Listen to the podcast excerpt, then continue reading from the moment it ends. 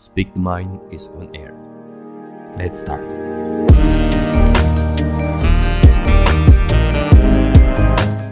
Bismillahirrahmanirrahim Assalamualaikum warahmatullahi wabarakatuh Kembali lagi bareng aku Gilang di Melisankan Pikiran Podcast yang mengajak kamu untuk saling bertukar pikiran Dari hal-hal yang mungkin sempat terpikirkan Dan terkadang atau sesekali penting untuk dibicarakan Selamat pagi, siang, sore, malam untuk kamu yang mendengarkan Melisankan Pikiran. Kali ini aku nggak mau ada backsound karena emang aku bikin konsep yang agak sedikit berbeda di mana aku cuma pingin ngobrol sama teman-teman pingin cerita ya ibaratnya bisa bertukar pikiran dari teman sama teman-teman semuanya tentang apa yang sedang aku pikirkan beberapa waktu yang lalu. Berniat untuk konsisten dengan harapan aku bikin podcast ini supaya juga bisa lebih konsisten ke depannya. Karena kan ini kan masih episode 3 ya. Ya aku usahakan untuk bisa bikin podcast ini seminggu sekali karena memang ya alhamdulillahnya lagi. Episode 1 2 3 tuh aku bikin terus menerus dan alhamdulillah uploadnya juga pas seminggu sekali. Nah hal yang pertama aku mau ngomongin soal hubungan antara niat dan konsistensi.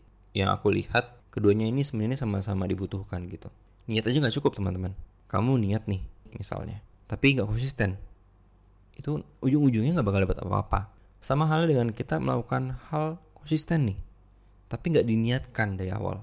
Ya udah asal aja. Ya ujung-ujungnya kita nggak dapat kepuasan batin. Kita melakukan ya ibaratnya kayak robot. Kita ngelakuin apa pun gitu. Tapi kita nggak tahu niat awalnya tujuan kita ini apa sebenarnya. Ngomongin soal niat dan konsistensi dalam agama Islam sendiri ada istilahnya istiqomah.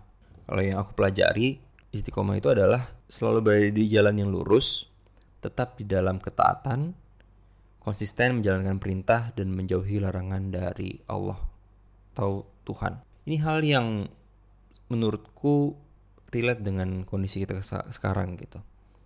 Ya aku nggak tahu kondisi teman-teman seperti apa.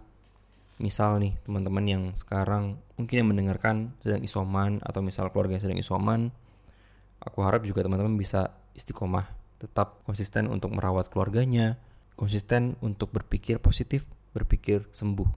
Karena ketika kita berniat atau misalnya kita konsisten atau menyiapkan dalam hati yuk aku ngelakuin yang terbaik supaya sembuh misalnya buat teman-teman itu insya Allah dengan izinnya kita bakal sembuh.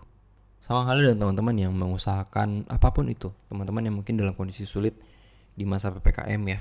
Covid ini kan tidak mengenal dari golongan mana pun ya. Semuanya kena dampaknya. Dan aku harap kita bisa selalu konsisten terhadap hal-hal yang kita usahakan sekarang dan yakin konsistensi kita tuh nggak akan sia-sia kok. Ada satu kalimat terkenal yang disampaikan oleh Tan Malaka.